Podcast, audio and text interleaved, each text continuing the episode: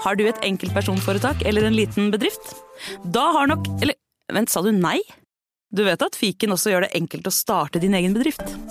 Fiken superenkelt regnskap. Ja, og hjelp til å starte egen bedrift, da. Velkommen til Ukraina-podden fra Nettavisen. Eh, Jeg heter Tormod Mallinsæter og er journalist der. Med meg i studio så har jeg Jørgensen Henriksen, Ukraina-spaltist i Nettavisen og leder av Norsk ukrainsk venneforening. Og i dag så starter vi som vanlig med en gjennomgang av siste nytt fra fronten. Og der, eh, hva har du å melde, Jørn? Nei, det, det er lite nytt som skjer langs fronten. Eh, det som eh, de ulike etterretningskildene, sånn som Institute for the Study of War og, og, og britisk de, de britiske kildene begynner å fokusere på nå, er at denne offensiven til Putin har ikke resultert i noe. De har brukt veldig mange folk på forskjellige frontavsnitt, særlig i øst, eh, uten at det har resultert i, i noe særlig i det hele tatt. Avdivka er jo det beste eksempelet på det. De har hatt noe fremgang nord for Bakhmut, eh, men sør for Bakhmut, der eh, de har prøvd å ta tilbake eh, de landsbyene som Ukraina frigjorde eh, på, på høsten, f.eks. Andrivka, som ikke skal blandes med Avdivka. Eh, der har de ikke lyktes å, å ta tilbake noe. Så em, det, det er godt mulig at russerne har enda flere folk å pøse på med, men det overordna bildet de siste ukene er at de har tapt veldig mange folk og personell uten å få tilbake noe territorium for det. Ja, og det har jo også Russland på en måte gått opp for russ russerne nå, at mm. denne offensiven deres eh, kommer ingen vei. Nei. Og jeg leste tidligere en uke her, og jeg husker ikke om det var Sergej Sjojgu som er forsvarsminister, eller om det var Garas, Gar Garasimov, mm. som vi ikke, ikke har sett i det siste. Schrødingers Garasimov. Yes, eh, det er en eh, historie vi kan ta en annen gang. Ja. Um, men som sa at eh, den russiske offensiven var veldig vellykka, fordi den gikk ut på å eh, utmatte ukrainerne og ta fra dem deres potensial til å rykke frem. Så uh, russerne sier da at de har vært supervellykka i sin offensiv, for de har mista Altså Russland har mista titusenvis av soldater siden måte off, de starta de store angrepene sine i oktober, mm. og har rykka fram bitte, bitte, bitte litt, eh, men nesten ingenting. Men det har vært en kjempesuksess, eh, fordi eh, Ukraina har heller ikke klart å rykke fram. Så det er det som har vært hele målet til Russland. Og det, hvis, hvis det var målet, så må vi si at det er jo for så vidt oppnådd, det. Ja. Og, men jeg vet ikke hvem det var i hærledelsen til Ukraina, om det var sjefen sjøl som sa at han regna med at Avdivka kom til å falle, men kanskje ikke for om to-tre måneder. Ja, det var Stalusjny som sa Ikke det. sant? Og det høres for meg ut som det er en invitasjon til russerne til å fortsette å prøve å ta Avdivka. Eh, At eh, Ukraina er veldig komfortabel med at de driver og angriper der. Eh, og mens du var i Bodø sist, så hadde vi en episode med, med Anders, og der snakka vi om en Amish til Bratton Gordon, som blant bidrar i Ukraine The Latest-podkasten. Han er en tidligere stridsvogn- britisk stridsvognkommandør fra bl.a. Golfkrigen. Og han har en uttalelse der han understreker at han syns at ukrainerne begynner å bli veldig gode i bruken av pansra kjøretøy. I de her motangrepene de gjør, og også eh, selv om de mangler artilleri, så har de i større grad begynt å bruke Bradleys og Leopard 2 i kombinasjon. Og han sier at de ser eh, mer og mer profesjonelle ut. Og det var en del av kritikken fra offensiven i sommer at de kanskje ikke hadde trent nok før de begynte å bruke det her nye vestlige materiellet. Mens at han nå ser at både måten de eh, opererer sammen med infanteri, men også med hverandre, eh, begynner å se veldig bra ut. Så det er jo også et, et positivt tegn. Absolutt. Og da tenker vi går eh, bort fra fronten, og så skal vi mye nærmere, men det er fortsatt ganske langt unna. Jeg velkommen til eh, dagens gjest, Hans Jakob Bønå. Vi kan vel nesten kalle deg nyvalgt eh, Høyre-fylkesordfører fortsatt? Ganske, ganske nyvalgt. Og også historisk som den første Høyre-ordføreren i Finnmark gjennom tidene. Gratulerer med det. takk for det. Og eh, du skapte jo overskrifter du i fjor høst, var det vel, da du sa at du ikke ville invitere Russland til 80-årsmarkeringen for frigjøringen av Finnmark. Og hva slags holdt på å si, Kan du fortelle litt mer om bakgrunnen for eh, det oppstyret der, da? Ja, det var, jo, det var jo en invitasjon som kom ti minutter etter jeg var blitt eh, den nyvalgte fylkesordføreren i Finnmark. da. Eh, så det, det, var jo eh, min tiltredelsestale, da. Hvor jeg også var innom det her eh, med forholdet til Russland og, og Ukraina, da. Eh, og så er det jo sånn at vi har jo et eh, krigsminnesmerke i, i, Kirkenes som man er flink å følge opp og markere eh, ved eh, milepæler som 75-årsjubileum og 80 år. Og, og, det står jo for tur i år, da. Det er 80 år siden, siden eh, eh, krigen i, i, Finnmark. og da er det jo på sin plass at det skal jo eh, vises eh, litt eh, respekt. Eh, og legge ned krans og, og ha en eh, markering da, på, eh, på stedet. og så er det sånn denne gangen, dessverre, at, at vi ser at vår nabo, store nabo i øst, Russland, har gått til en angrepskrig på, på et naboland, Ukraina. da. Og da blir det helt umulig for, eh, for meg og eh, Finnmark fylkeskommune å, være arrangør og skulle eh, arrangere det her med Russland som gjest.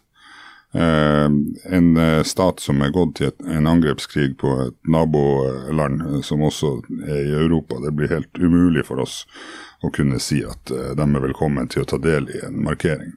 Så for oss så var det helt naturlig da å fokusere på Ukraina, som eh, tross alt også eh, var en del av, eh, av andre verdenskrig, og, eh, og, var med på, eh, på den eh, frigjøringa i Finnmark i, i 1944.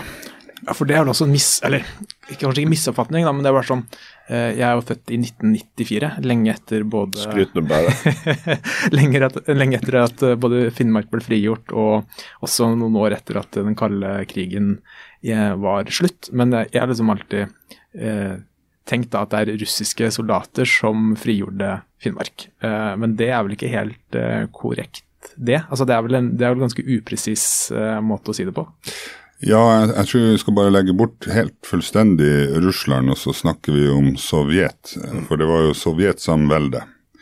Med også Ukraina, som, som, var part i den, i den andre verdenskrig. Så, eh, så, det var jo litt annen organisering av, eh, av Russland eh, på den tida.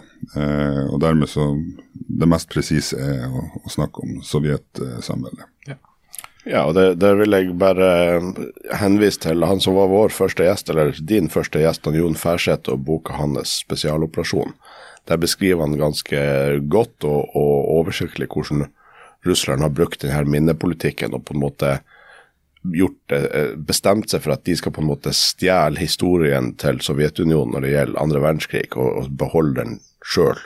Og skape det her inntrykket av at eh, alt som skjedde som var bra fra Sovjet i andre verdenskrig, det var det Russland som gjorde. Og så veldig selvfølgelig å se bort fra Ribbentrop-Molotov-pakten og alt, alt det negative. Men som Hans Jakob sier, det er jo helt rett. altså Ukraina, uh, ukrainske soldater var faktisk overrepresentert i den sovjetiske, i den røde hæren i forhold til folketallet i, i sovjetsamveldet. og det var mange ukrainske soldater blant de som frigjorde uh, Finnmark i 1944. Så, så, hvis man skal liksom jeg, jeg, tenker det er en helt riktig vurdering gjort, og, og all ære til deg for at du har tort å være så tydelig. Vi ser andre aktører i Norge, sånn som en del kommuner i Nordland, som fortsatt ikke vil si opp sine vennskapsavtaler med, med, med russiske byer. Det syns jeg er beklagelig. Så, så veldig bra. Og så må vi, må vi motvirke den her russiske ja, historieforfalskninga. Og det syns jeg Da har du slått to fluer i en smekk. Ja, for du inviterte jo Zelenskyj istedenfor. Har du fått noe svar fra, fra Ukraina? Nei, Det pågår jo et, eh, et arbeid. Administrasjonen i fylkeskommunen jobber jo med det her eh, arrangementet. Da. Og eh, de er vel nå i disse dager kommet dit at de er klar mer eller mindre for invitasjonen. Så jeg annonserte jo hva som kom til å skje, og så, og så skjer det jo gjerne et stykke arbeid i, i etterkant. Og, det er det de jobber med nå, da. Så planlegger og, og og, og se hva de kan få til. Så eh, det går nok en invitasjon ganske snart. eh, Så, så vi vet ikke hva situasjonen egentlig er, om, om han kommer, eller om han kommer i form av, av storskjerm, eller ja, eh, om han deltar i det hele store. Nei, for det er jo ikke bare bare å få Zelenskyj rundt omkring. Det, var jo, det er ikke så lenge siden vi hadde besøk av han her i Oslo, og det var et voldsomt sikkerhetsoppbud da, og stort hemmelighold. Eh, så Mm. vi får se. Men det hadde vært eh, kult det, hvis Zelenskyj kom for å legge ned krans eh, opp hos dere. Mm. Men dere, du erta jo skikkelig på deg han russiske ambassadøren til Norge. Eh, han eh, sa til han Teimuras Ramishvili han sa til eh, VG at han syntes det var så oppsiktsvekkende at han lurte på om det du sa faktisk var sant. og han lurte på om det faktisk hadde skjedd. Så han skrev vi er opprørt over uttalelsen av eh, fylkesordfører i Finnmark Hans Jakob Bønå i tilfelle de virkelig har funnet sted. Eh, altså, Fikk du mye motbør? Uh, du fikk jo motbør fra den russiske ambassadøren, men har du fått mye annen motbør? Ja, det er ikke, det er vel ikke feil å si at jeg har fått eh, ganske mange tekstmeldinger, messengermeldinger og e-poster uh, som har i ulik grad prøvd å korrigere meg eller, eller fortelle meg hva, hva jeg er for noe, egentlig. Hva jeg ser ut som, og hva, slags udyr jeg egentlig er. Så, så jeg får det i, i greit monn, det gjør jeg. Ja, Hva går det ut Kan du være litt med det? Så hva, de er forbanna på at Ja, eh, noen er jo veldig forbanna. Eh, så jeg ble jo av én ble jeg fortalt at jeg var eh, mindre verd enn skiten han hadde under skosålene. Og det er jo en grei saksopplysning å, å ta inn over seg, tenker jeg. Nå er jo ikke jeg Jeg er ganske tjukkhuda, så jeg tåler ganske mye. Så jeg, jeg drar nå bare på smilebåndet når jeg får eh, sånne meldinger. Jeg tenker at det, det var kreativt skrevet. Eh, så, eh, så, så jeg tåler jo det, da. Mens andre igjen er veldig omstendelig. Det, er, det handler om å eh, på mange måter eh, overbevise meg om at historien er helt annerledes enn sånn som jeg ser den. Og, og det er veldig dyptgående og inngripende og, og eh, forklarende om eh, hvilken naziststat eh, det er som, som eh, Zelenskyj nå står som leder av. Og, altså det, det er veldig, veldig omfattende materiale jeg mottar. så så man kan jo eh, bare anta eh, hvor det egentlig kommer fra. da. Ja, for det er vel lett å anta at det, ikke alle de meldingene nødvendigvis er sendt fra en si, norsk basestasjon. Ja. Ja, At det rett og slett der kommer fra Russland. Mm. Tror du? ja, jeg tror det, og eh, kanskje med god hjelp eh, i Norge av på å si, nordmenn også. Ja. Og eh, dere i Finnmark, dere er jo det er jo en selvfølgelighet, men dere er jo fryktelig mye nærmere Russland enn oss her nede på Østlandet. Og også mye nærmere enn Jørn, som selv om han er, eh, kaller seg nordlending, så er han fra ganske langt sør i, i, i Nord-Norge, fra Lofoten. Ja, Eller- Gravermark og Kirkenes er ikke helt nabobygder. Nei, det er jo ikke det. Um, og dere har jo et helt annet altså Dere har en mye tettere tilknytning til Russland, og hvordan tror du det påvirker på en måte finnmarkingenes syn da, på Russland i dag? Tror du det gjør noen forskjell? Eh, Ja, jeg tror det, det gjør en, eh, en forskjell, det, det tror jeg. Men det, det er litt i Russland som, tror jeg da, eh, som det er her til lands.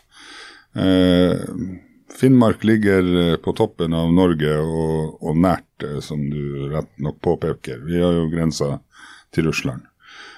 Og, og den regionen som, som da har hatt mest eh, eh, samarbeid og samkvem, kan man jo si, er, er jo Murmansk-Arkangelsk region.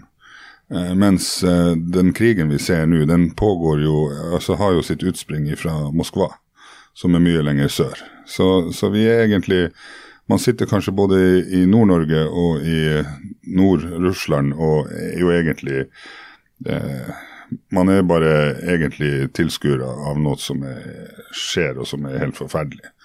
Eh, og så har man ikke så stor påvirkningskraft på, på det, da. Mm. Og uh, gjør noe litt inne på det med diverse kommuner i Nordland og antageligvis Finnmark hvis jeg ikke tar helt feil, som har valgt å beholde vennskapsavtalen sin da, med russiske byer og kommuner. Og uh, det, De fleste har vel lagt på is, er det ordet de har brukt, stemmer ikke det? At de, mm, de, har lagt på is, men ikke ja, sagt ja. opp. Uh, og så er det flere som har tatt til orde for at de burde sies helt opp. Mm. Og hva er dine tanker rundt det? Ja, jeg tenker at uh, det er jo et, uh, en symbolhandling, en sterk symbolhandling. Altså, man har vennskapsbyer, uh, og, og, vi er havna i den situasjonen vi er havna i. Så, så, tenker jeg at det eneste riktige, det er faktisk å si opp. Mm. og så får man heller en gang i fremtida, om 50 år kanskje, når, når forhåpentligvis verden ser mye bedre ut, så går det an å ta opp igjen samtaler og, og kanskje bli venner igjen. Men akkurat nå så tenker jeg at det er helt riktig. og eh, Av samme årsak som jeg tenker at russiske idrettsutøvere har ingenting på et OL-anlegg å gjøre eller et, på et VM-anlegg. Altså det, det, er helt rett at de holdes uh, utenfor, sånn at man ikke bruker fredsarrangement til å, å promotere egne uh, ja, skal vi si, dyrke egne helter i, i Europa og resten av verden. Helt enig, og æres de som æres bør. Jeg vet at uh, bl.a. Tromsø har eh, sagt opp sin vennskapsavtale med, med en russisk by. Uh, jeg er ikke helt sikker på hvordan det er ellers i Nord-Norge, men jeg vet at i Nordland så ble de enige om en slags felles strategi tidlig om å, å, legge de på is og ikke si de opp. Jeg tror kanskje noen av kommunene nå har sagt det opp, men, men jeg er helt enig med Hans Jakob at det er riktig å å gjøre, og, og, faktisk si det opp. og sånn, Hvis vi skal ha et godt forhold til Russland i fremtida, så er jo det faktisk opp til Russland også. Og, eh, og gjøre en endring hjemme, og så eh, komme tilbake og gjøre opp for seg for de, de, de feilene de har gjort. Mm. Og um, Du er veldig klar tale her, men er det her kontroversielle meninger også? Får, får du noe mot, politisk motbør i Finnmark på uh, på den, den harde linja som du har da, over, uh, overfor Russland? Nei, jeg, jeg, oppfatter ikke det egentlig. Men, men, eh, jeg oppfatter egentlig at eh, folk i Finnmark, og der også inklusive meg, er, er litt trist på, på bakgrunn av at, at, det er blitt sånn som det er blitt. Altså her var jo opparbeida et, et, godt folk-til-folk-samarbeid. og, og Eh, Murmansk ble regna som storbyen i, i Nord-Norge, som vi kunne liksom reise til eh, med gode restauranter og trivelige folk. Eh, og, den, den, biten er jo dessverre borte. Eh, men så er det jo også mange som er, har ektefellene sine som kommer fra Russland og bor i Norge. Og, så, så, vi har jo en god miks nå da i, i, Finnmark av både russisk, innslag av russiske innbyggere og norske. og så det er, det er litt trist at vi er kommet dit hen at, at, ikke er mulig å opprettholde både samarbeid og, og, uh, og det sosiale som man har hatt tidligere. Men, men, det er jo viktig da å peke på at det er jo bare én stat som har bidratt til det. Det er Russland. Russland hadde valget mellom å gå til krig mot Ukraina eller la være å gå til krig. Og De valgte altså det, det første. Og, og det, det, må man bare rett og slett adressere. Det er sånn det er. Så, så enkelt ja. uh, kan det sies. Men uh, vi uh, har fylkeskommunen, eller du, da, noe kontakt med russiske myndigheter? For det har vel vært tidligere at det har vært, det har vært en dialog der av folk-til-folk-samarbeid og andre, andre, samarbeid. Men er det noe politisk kontakt i det hele tatt mellom Finnmark fylkeskommune og den russiske motparten nå om dagen? Nei, det er ikke som jeg kjenner til i det hele store. Så det tror ikke det er noen bånd lenger igjen i, i eh, administrativt i, i Finnmark fylkeskommune. Nei, Og du har heller ikke fått noen uh, si, invitasjoner over grensa? Nei, det har det vært, uh, det har vært fraværende. ja. men, men, du har jo vært over grensa selv flere ganger. Ja. Du fortalte meg rett før sending her, du jobba jo i Russland på starten av 90-tallet. Mm. Kan du si litt hva, hva, du gjorde der? Ja, jeg jobba jo i et, i et lokalt malerfirma som malermester. Og vi tok på oss arbeid borte i Murmansk. Og Zapoljarny hadde vi også arbeid i da. og det gikk jo i byggearbeider i ja, i all hovedsak i banklokaler rundt om i, i, Murmansk. Så jeg var en god del i perioden 91 til ja, frem til 95 og, og jobba inne i Russland. Og Kan du fortelle litt om hva, hvordan, hva du så der? da? Du fortalte meg bl.a. at dere mista en del utstyr, noen sånn svamper, var det det? Vaskesvamper? Ja, ja, ja. ja det, det, var jo ikke så gode tider eh, da når eh, si, grensene ble åpna. Da var det jo relativt eh, eh dårlig stelt eh, i Russland. Og eh, ja, bygningsmassen stort sett overalt bar jo veldig preg av at det var nedslitt og, og ja, eh, lite vedlikehold og, og sånt. og det, det, var mye arbeid som, som egentlig hadde trengt det som ble gjort. Eh, men når vi jobba da i, de store bankbyggene inne i sentrum av Murmansk, så, eh, så var det veldig vanlig at, at f.eks. vaskesvamper forsvant fra vår varebeholdning da, og, og, vi så dem gjerne igjen surra inn med gassbind rundt knærne på russiske arbeidere. Så, eh, så de brukte det som kneputer. og det, det er jo vanskelig å, å, reagere negativt på noe sånt. Da. Det er bare eh, egentlig å ha medlidenhet med at det, det er vondt faktisk å krype på knærne hele dagen og, og, og, ikke ha noe beskyttelse i tillegg i det hele tatt. Så. så det var vel egentlig Det var ganske betegnende for Eh, for hvordan de var kledd og hvilket utstyr de egentlig hadde tilgjengelig. Så Det er litt sånn desperat at man, man bruker faktisk vaskesvamper til kneputer. Det må, ha vært en, ha vært en veldig spennende periode å være i Russland med alt det som skjedde, og, og Sovjets eh, kollaps. Og, og, de hadde jo, virker sånn sett i ettertid, en veldig ambisjon om demokrati og, og et demokratiprosjekt i, i Russland som vi nå ser dessverre feiler, men, men, det må jo ha vært en spennende periode å være der.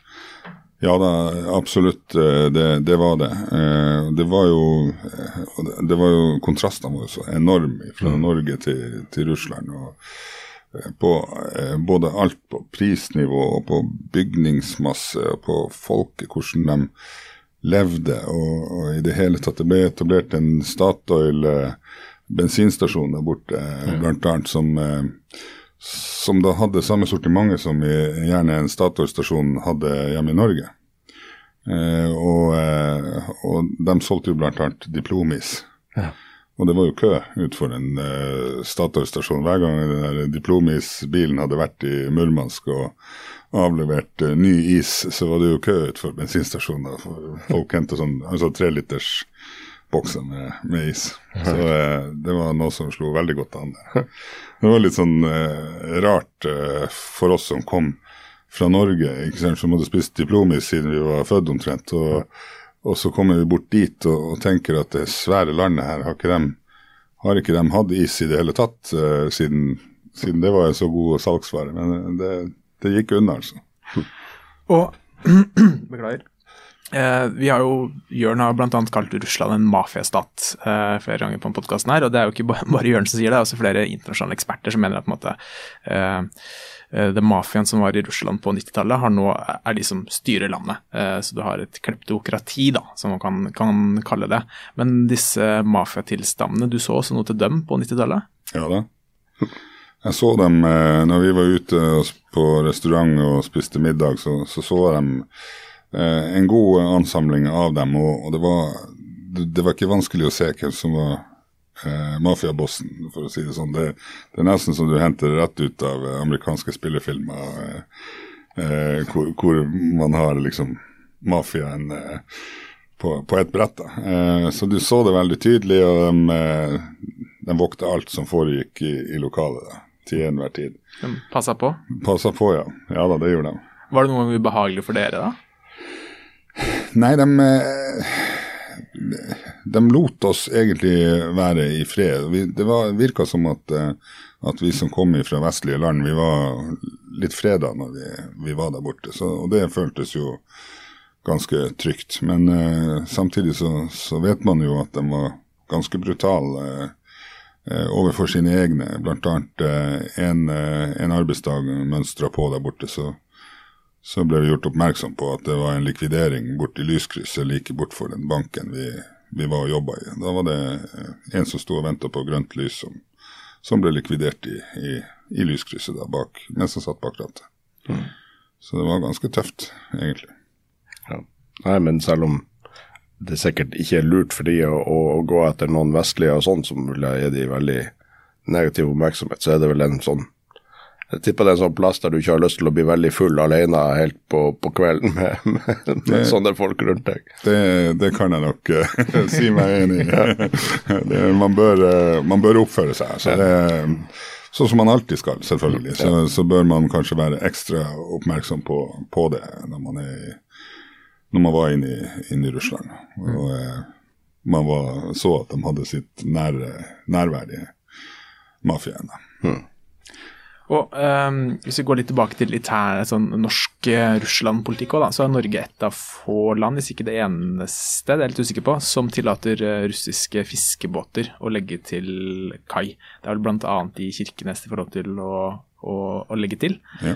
Og Enkelte har tatt til orde for at det burde man helt forby, mens andre mener at det er viktig å ha både for næringslivet i, i Finnmark eh, og Nordland òg. Det er Lokaire kaier Nordland de også kan legge til. Og så har vi jo Kirkenes Mekaniske Verksted f.eks., som er en stor hjørnesteinsbedrift som, har, eh, som er helt avhengig av oppdragene fra russisk side. Mm. Eh, de måtte vel permittere en del i fjor, eh, stemmer ja. ikke det? Jo da, eh, Kimek som de eh, kaller seg for de har jo ikke lov lenger å ha russiske båter inne til, til reparasjon eller serviceoppdrag i det hele tatt. Eh, og hadde jo liggende en russisk tråler i, i dokk eh, som de ikke fikk gjøre ferdig engang. Eh, det ble jo stillstans der i mange måneder, nærmere et halvt år, tror jeg, som følge av sanksjonene.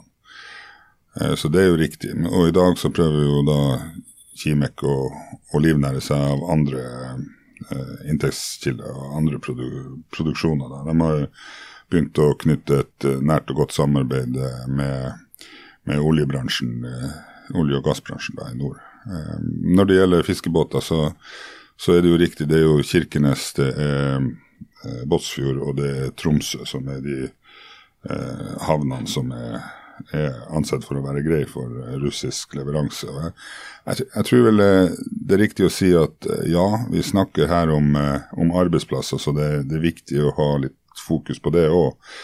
Men samtidig som det pågår en krig eh, i, mellom Russland og Ukraina, så, så, er det jo sånn at vi har et felles matfat. Eh, og vi har en felles fiskeriforvaltning. Eh, og idet Norge stenger helt ned for den russiske fiskeflåten, så, så mister vi kanskje den siste si, diplomatiske eh, veien inn til eh, gode forhandlinger om felles ressurs og forvaltning. Så jeg tror det, det er klokt eh, å ha en åpning for, for, fiskeflåten, og den er jo svært begrensa. I Kirkenes er den snevra inn til at det er ganske lite område russiske fiskere får bevege seg i. Eh, de, de kan ikke gå fritt i, i, kommunen, for å si det sånn. Nei, for det husker jeg var i, på Kirkenes-konferansen i fjor, uh, og da var jo det et tema der. Jeg snakka med et par uh, lokale innbyggere. De var ganske opprørt da, over mm. at uh, det skulle snevres inn for disse russiske sjømennene, mm. som mente at det var jeg husker ikke akkurat hvilke ord de brukte, men det var i hvert fall dårlig gjort. da. De syntes det her var dårlig gjort mot de russiske fiskerne. Kan du si noe om uh, den debatten rundt der? For det var, det var, en ganske opprivende debatt, spesielt i Kirkenes, hvis jeg husker riktig? Ja, ja, da, og, og det, igjen så er det jo sånn at her er jo en god del en god del russere som er flytta til Norge, og som er bosatt i Norge og, og ja, har funnet sine ektemaker i, i, i Norge. Så, så, her er jo noen som har gjerne dobbelt uh, statsborgerskap, og, og uh, det, det, føles nok litt sårt for dem at uh, si, det man oppfatter som fredelige fiskere som, som er egentlig helt uskyldige i alt som skjer fra Moskva, skal være gjenstand for ja, en brikke i, i, i denne konflikten som pågår.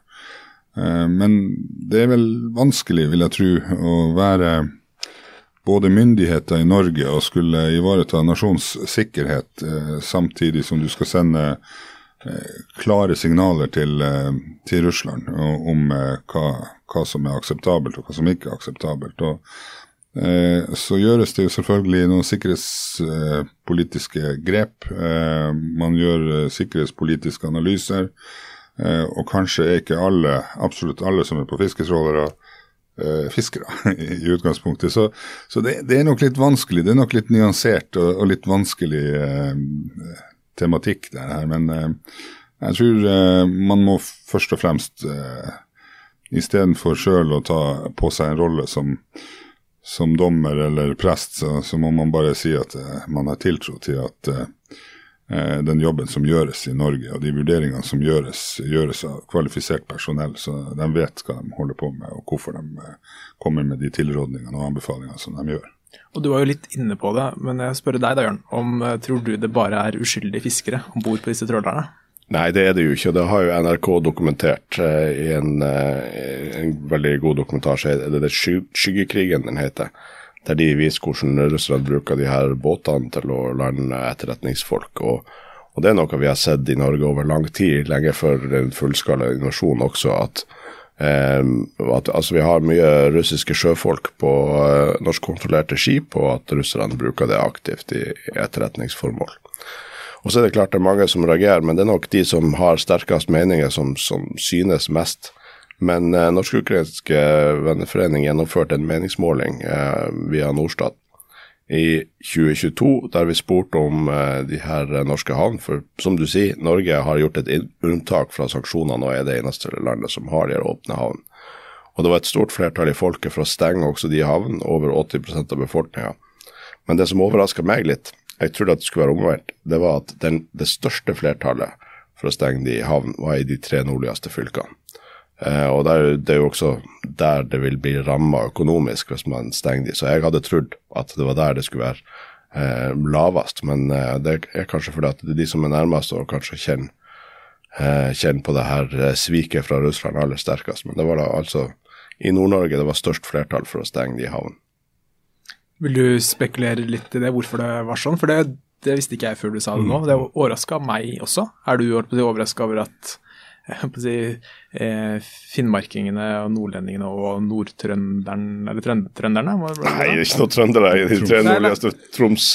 Ja, Troms Nordland, Troms, Der ser du når søringer skal prøve seg på norsk geografi. Ja, da, stopper, ja. da, stopper, det før polarsirkelen. Ja. Uh, men uh, at Finnmark, uh, Troms og nordlendinger um, er de som var mest positive da, til, å, til å stenge havnene. Ja, aller først eh, til Jørn. Jeg, jeg, tror eh, det er nok en og annen trønder som går på universitetet i Bodø og Tromsø.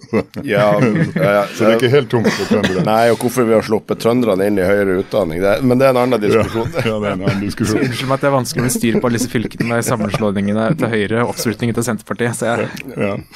Nei, eh, jeg tror vel kanskje at han har utvilsomt et poeng. Altså, det er jo de nordligste fylkene, de tre nordligste fylkene som har hatt eh, desidert eh, mest med Russland å gjøre. Og man har sett til Russland, man har eh, folk-til-folk-samarbeid, men man har også hatt eh, handel. Eh, næringslivet har hatt utstrakt handel med, med Russland. Eh, og, og, det er nok kanskje der skuffelsen er størst også, når når det ender med en uh, angrepskrig. For det, det, er klart at man, man ser jo på, uh, på, hva som skjer, og, og hva slags argumentasjon man bruker om nazisympatier og den type ting. Og, uh, og, da ser man jo at det fort kan snu seg mot, mot Norge.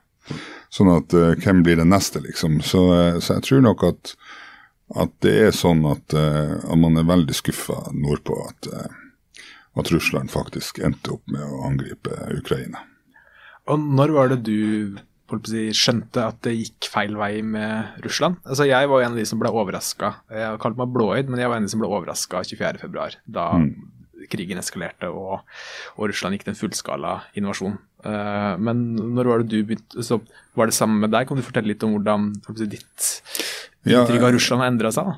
Ja, det begynte jo å endre seg litt allerede i, uh, i 2014. Ja når, når, Krim ble annektert. Eh, da, da, så man egentlig en stat som tok seg til rette i et annet land. Det kunne jo like gjerne vært Norge, bare sånn rent hypotetisk. Eh, at man bestemte seg for at man trenger i havnefasilitetene, så vi, vi tar Øst-Finnmark f.eks. Det kunne jo vært eh, Det er egentlig en grei parallell å, å ha i, i bakhodet. Eh, det var jo en veldig brutal handling, egentlig, å bare bestemme seg for at nå skal vi ha tilgangen til Krim. Og, og da, vi har lyst på det, så da tar vi bare det. Eh, da begynte jeg å tenke at eh, det her eh, det ser ikke bra ut. Men jeg håper det skulle stoppe med det. Men, men det er jo tydelig at appetitten ble, ble, bare større og større etter hvert som årene gikk. Jeg venta nok ikke egentlig en så brutal krig med så mye elendighet som vi har sett, at det skulle skje den 24. februar. Men men må jo bare konstatere at det, det, det, er faktisk det som skjer. Og jeg syns det er grusomt å se på alle de, de eh, bildene som media har, og de TV-reportasjene man ser fra Ukraina, hvor, eh, hvor barn og, og, kvinner og uskyldige rammes. Alle er jo egentlig uskyldige i Ukraina, men hvor de rammes knallhardt. Eh, og man ser byer som er fullstendig utsletta og nedbomba. Jeg kan ikke unnlate å få um, litt assosiasjoner til, uh, til Øst-Finnmark. De bildene jeg har sett av Øst-Finnmark etter krigen i, som herja Norge. Altså, i Finnmark hadde jo nazistene sin brente jords taktikk. Eh, og jeg er jo født og oppvokst i en by som ikke er brent. Eh, Vadsø ble ikke brent, og heller ikke Sør-Varanger og ikke Vardø. Det skyldes jo ikke at, at eh, man ikke ønska å brenne, det skyldes jo at man for det første hadde det travelt, eh, men for det andre at det hadde vært så massive bombetukt ifra nettopp uh, Russland, som hadde ja, prega krigen. Så det var ikke så mye som sto igjen. Eh, og når du ser bildene fra Sør-Varanger, Kirkenes, eh, Vadsø og Vardø eh, like etter krigen, og, du ser de TV-bildene som kommer nå fra Ukraina, så er det veldig likt. Det ser veldig likt ut. Altså, så, eh, så man kan jo undres eh, om man ikke har lært noe som helst på de 80 årene som er gått imellom, eller, eller hva det er som gjør det. Om det er appetitten på Eh, om det er stormannsgalskap eller hva det er for noe eh, som, som er drivkrafta, men, men, pent er det ikke. Det, det, er skikkelig trasig. Og det går, eh, det går masse liv i Ukraina av den ukrainske befolkninga, og det, det, er masse unge soldater som absolutt ikke har på russisk side som ikke har bedt om å bli sendt til fronten, men som, som likevel havner i, i frontlinja og blir må, må, betale den aller høyeste prisen. Så det er kjempetrassig, egentlig. Ja, og eh, det er ikke et helt irrelevant tankeeksperiment å, å, tenke ja, hva om det var oss? Uh, for at altså i, i hvor stor grad i en reell opposisjon, eller om det er en opposisjon skapt av Putin for at det er behagelig for han, men, men det er jo en opposisjon til høyre for Putin. Eh, ytterliggående nasjonalister som, som mener at Putin skal være enda mer ekspansiv, og at han ikke bruker nok vold i Ukraina og sånn. Og blant dem så mener de jo at Russland skal ta tilbake alle områder som de noensinne hadde i imperiet sitt. Så de har jo gjerne Det er noen eksempler på at de har sånn kart på kontoret sitt der eh, Norge helt eh, fra dagens grenser helt bort til Porsangerfjorden er merka som russisk. For at det er et område som på et eller annet tidspunkt i historien var, var kontrollert av, av Russland. Eh, så, så, Ja, altså og det, det er et sånt tankeeksperiment som også ble diskutert under den kalde krigen. Hvis russerne bare, bare ville ha Øst-Finnmark, bare, bare går litt over grensa, er amerikanerne villige til å starte tredje verdenskrig bare for Øst-Finnmark? Og det er kanskje også et, et tankeeksperiment som blir verdt å tenke over hvis f.eks. Donald Trump blir valgt til president igjen i, i USA. Og ja, det, det, er på tide at vi, vi uh, må starte med større avskrekking og, og bygge opp det norske forsvaret til uh, noe som ligner mer på det vi hadde under den kalde krigen. Ja, og for, å, du er jo du som har ansvar for Øst-Finnmark også, kanskje ikke militært, men tror du, tror du vi ville fått internasjonal hjelp fort nok, da, hvis Og ville, ville eh, f.eks. USA da vært villig til å starte tredje verdenskrig hvis, hvis vi fikk en russisk eh, framrykning fra øst? Ja, vi må jo i hvert fall eh, tro det. Eh, eh det er jo eh, vi er jo et Nato-land eh, og har jo vært det siden starten. Eh, og vi er jo det for at vi skal få alliert eh, hjelp hvis vi har behov for det. Så, så jeg vil jo tro at det, det, skal ikke gå noen grense i, i, Nato for at, hva som er akseptabelt. at jeg tar nå litt av Øst-Finnmark, det bor så lite folk der, det er ikke så nøye. Jeg, jeg, tror at vi snakker om å, å forsvare hele nasjonen, men når det er sagt, så så, så, ser vi jo angrepskrigen i ja, spesialoperasjonen, som de kaller det, da, for i, i Ukraina. Vi ser jo hvordan uh, Russland spiser seg uh, inn på, uh, på, på, territoriet til Ukraina, og, og, liksom bare ja, underveis så, så annekterer man landet og, og vedtar at nå er det russisk land, rett og slett. Og det er jo et faktum at uh, Øst-Finnmark ligger jo kanskje ganske langt unna uh, bl.a. Uh, USA. Uh, og jeg syns jo det er et paradoks at deler av krigen i Ukraina starta opp fordi at man var så provosert og, og imot at Ukraina skulle bli et Nato-land. At det var en av, av si, de bakenforliggende årsakene. Eh, og så, så, går man til angrep på dem, og så, så er det man oppnår, det å skremme eh, både Finland og Sverige inn i, i Nato. Det syns jeg jo er ganske unikt. Noen som har sagt at Putin blir kåra til årets si, Nato-rekrutterer. Altså han, ja, ja. han, som sørger for størst oppslutning og tilslutning til, til Nato. Ja, eh, og det, det, er ikke rart heller, eh, når du ser eh, Altså at både Finland og Sverige har vært, uh, vært land utenfor Nato og ikke har følt at de egentlig trenger å være i det fellesskapet for å oppnå beskyttelse. De har rett og slett ikke uh, identifisert seg dit hen at de trenger beskyttelse heller, men nå uh, har de altså sett det. og jeg tror jo at deres inntreden i Nato betyr jo gjerne at vi får en uh, styrkeoppbygging og en styrking av uh, landforsvaret i Finnmark, og, at vi på den måten kan bli mye, mye mer sentrale i, i forhold til både sjøveien og, og det å jeg på å si, Eh, få nye styrker inn til, til, Finnmark ved en anspent situasjon og, og den type ting. Så, eh, så jeg tror det, det, blir mye mer relevant, men, men, det er ingen tvil om at det må skje mye mye mer med Forsvaret i Finnmark enn det som skjer i dag. Eh, og vi har ikke tid å vente, vi har det travelt. Så, eh, så her må eh, regjering og storting gjøre jobben og, og sørge for oppbygging så fort som overhodet mulig. Absolutt, jeg er helt enig. Og eh, du nevnte at eh, Finland blir med i Nato nå. Eh, mandag så var jeg på sånn utenrikspolitisk aften med NHO, der, der Sanna Marin, som var statsminister når de starta den prosessen med å, med å bli med i, i, Nato, var Det var en veldig interessant seanse. Var leda av Karen Anne Eggen, som har vært gjest her i, i podkasten.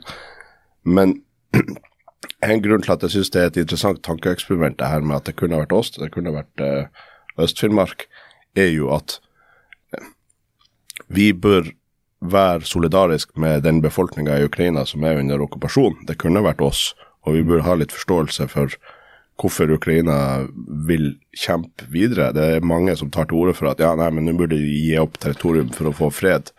Men hvordan fred er det, og hvordan skal de leve, de som er under okkupasjon?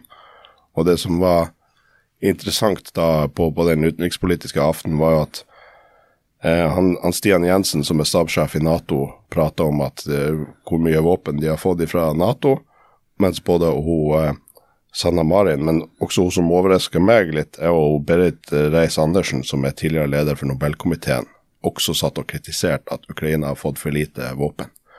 Altså um, fred, fred er bra, men fred må Eh, være et resultat av frihet. Og ja, vi bør være solidariske med de som er i den helt ubeskrivelig forferdelige situasjonen at de er under russisk okkupasjon. Og da lurer jeg på om vi skal runde av i dag. Takk for at uh, du kom hit, Hans Jakob. Og da ønsker jeg god tur hjem igjen til Finnmark. Du skal rett, rett hjem nå, skjønte jeg. Ja. Og så takk for at dere lytta til denne episoden her også. Hvis dere har noen spørsmål, send de til ukrainapodden at nettavisen.no, så skal vi svare etter eh, beste evne. Og ta gjerne og følg oss på den podkastspilleren du bruker, så får du nye varsler når uh, vi slipper episoder. Og gi oss gjerne en femstjerners vurdering hvis du mener vi fortjener det. Og da er det bare å ønske en god uke videre, og takk for oss.